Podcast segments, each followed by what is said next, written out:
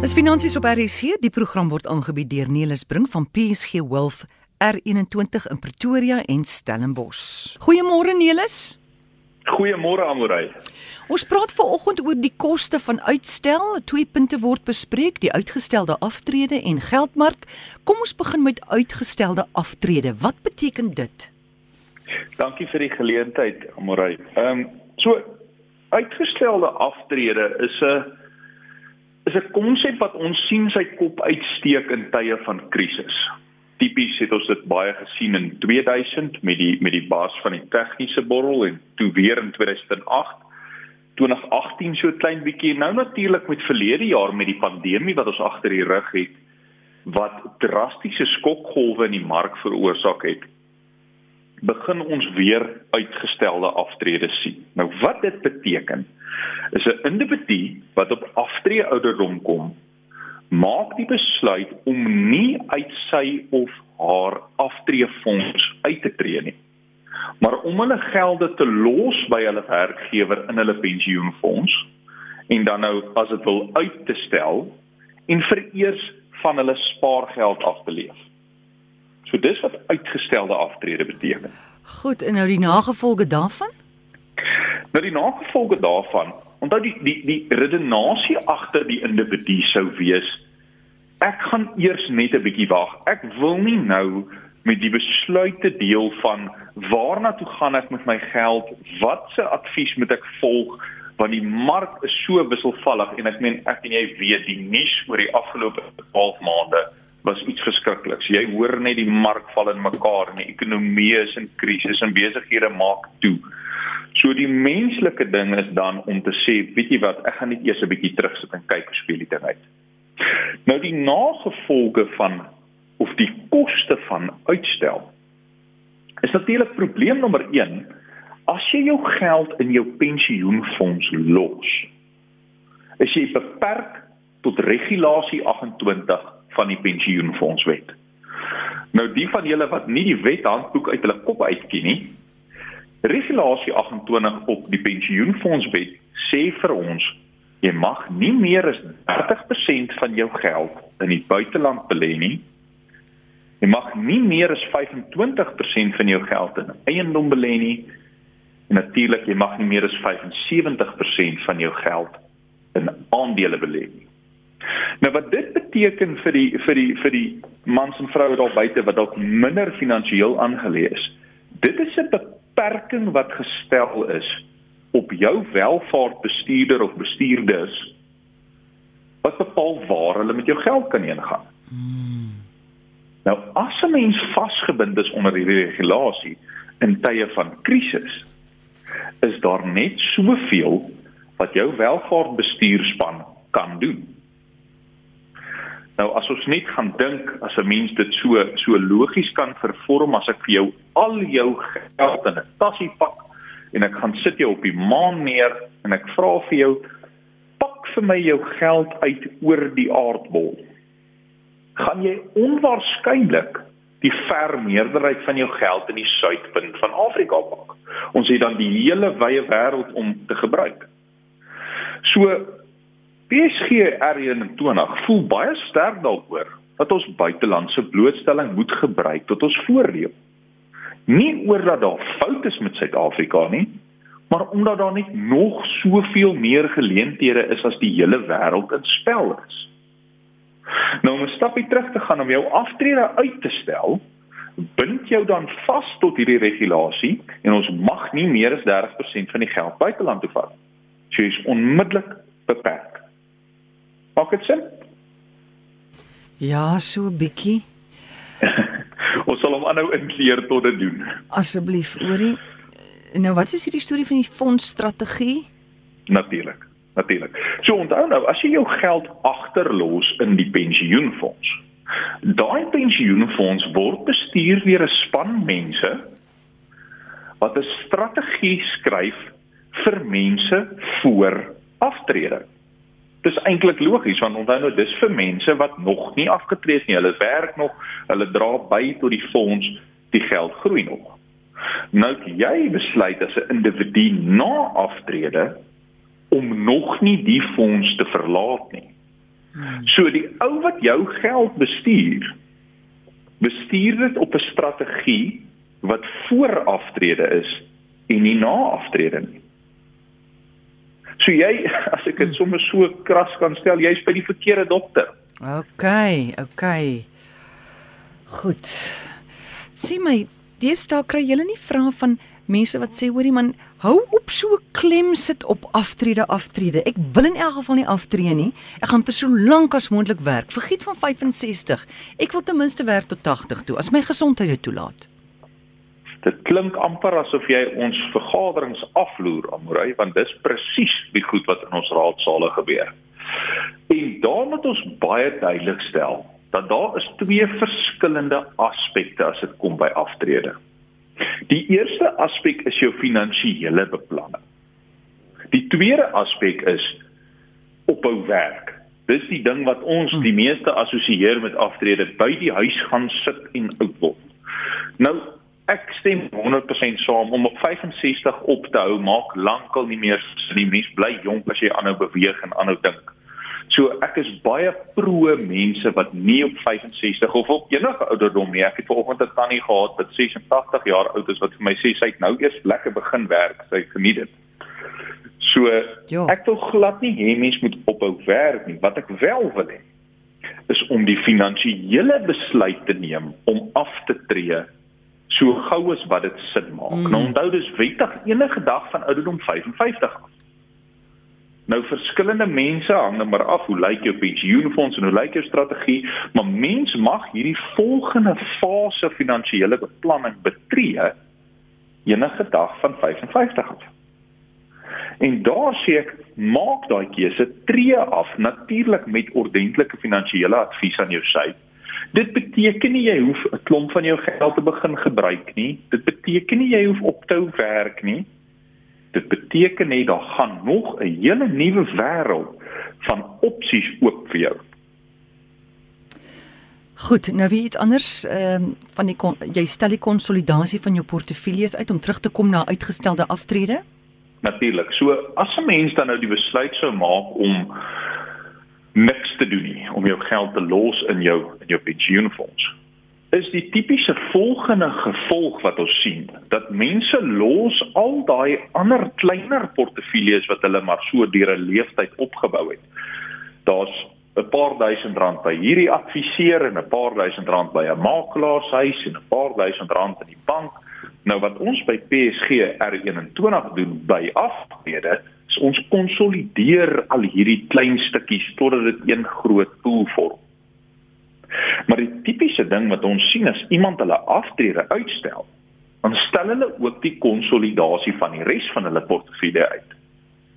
En dit het in die langer termyn 'n redelike drastiese geleentheidskoste.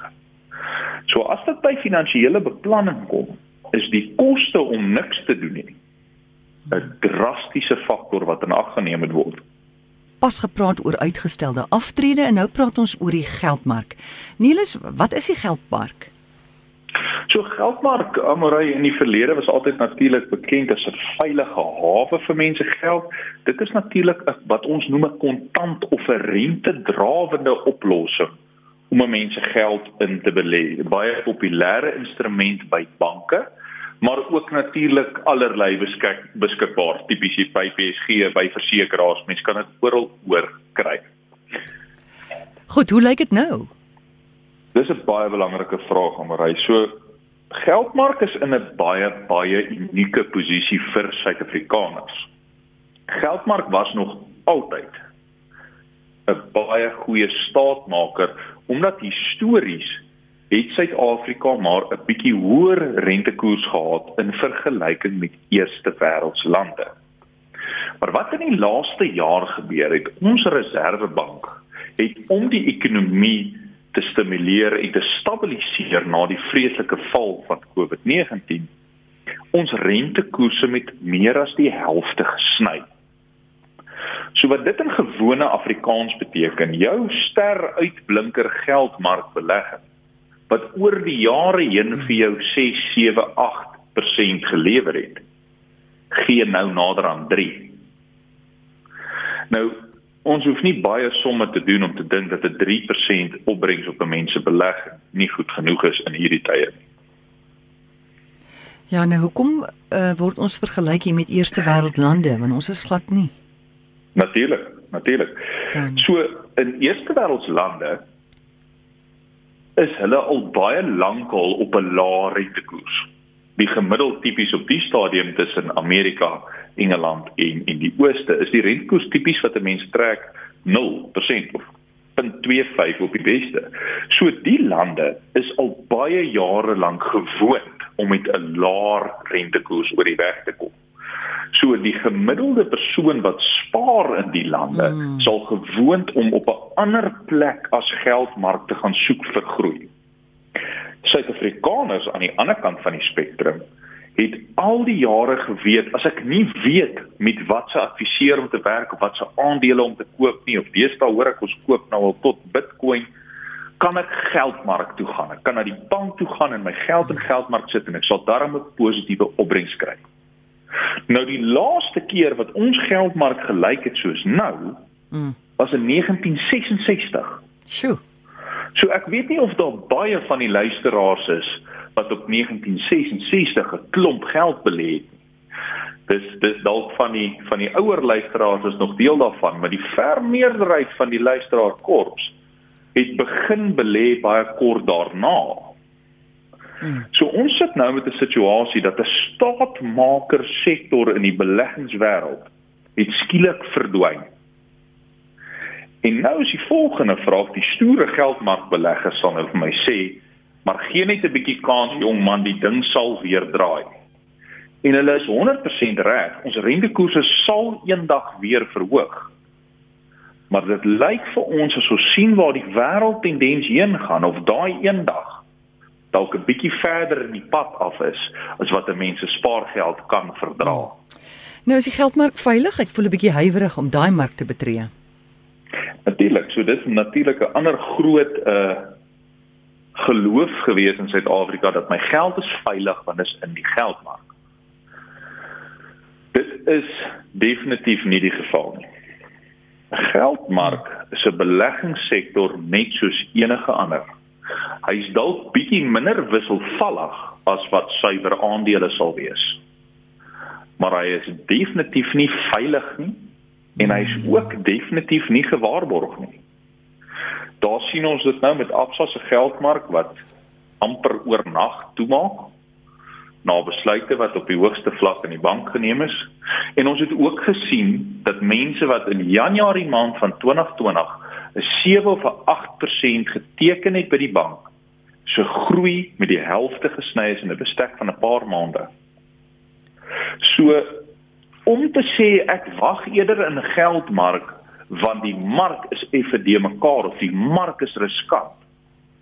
Is net daar maak jy 'n keuse om in 'n instrument te belê.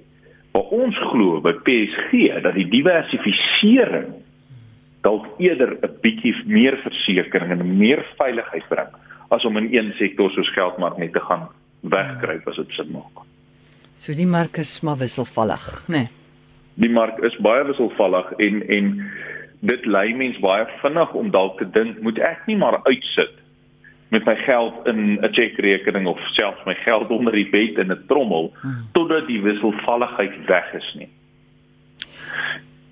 Die probleem daarmee is, Amorai, die wisselvalligheid gaan nie weggaan nie. Daar's altyd nog 'n krisis om die draai.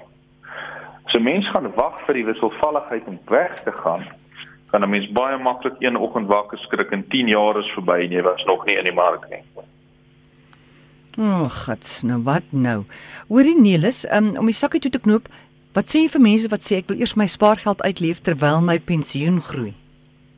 Natuurlik is 'n baie algemene ding wat ons ook hoor, die mense het 'n klomp geld in 'n bankrekening bymekaar gemaak in die laaste jare voor hulle afgetree het. En dan is die idee om hulle pensioen die maksimum geleentheid te gee om aan te groei terwyl hulle van hierdie geld in hulle bankrekening afleef. Die krisis wat ons daarmee het, dit dit dit is nie 'n onlogiese denk nie. Dit is dit maak sin.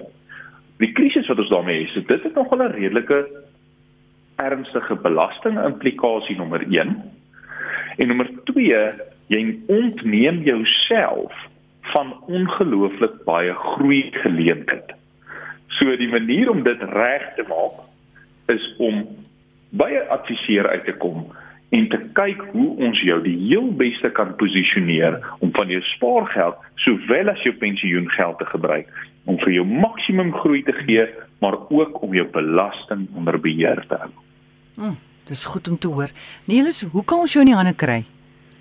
Goed, dis baie maklik. Jy kan eerstens vir ons 'n e-pos stuur na wealthroot21@psg.co.za. Net daai adres weer wealthroot21@psg.co.za.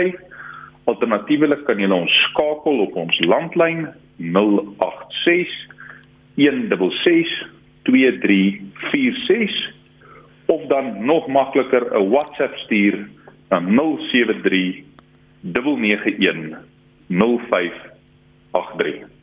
Goed, waarvoor staan hy Route 21?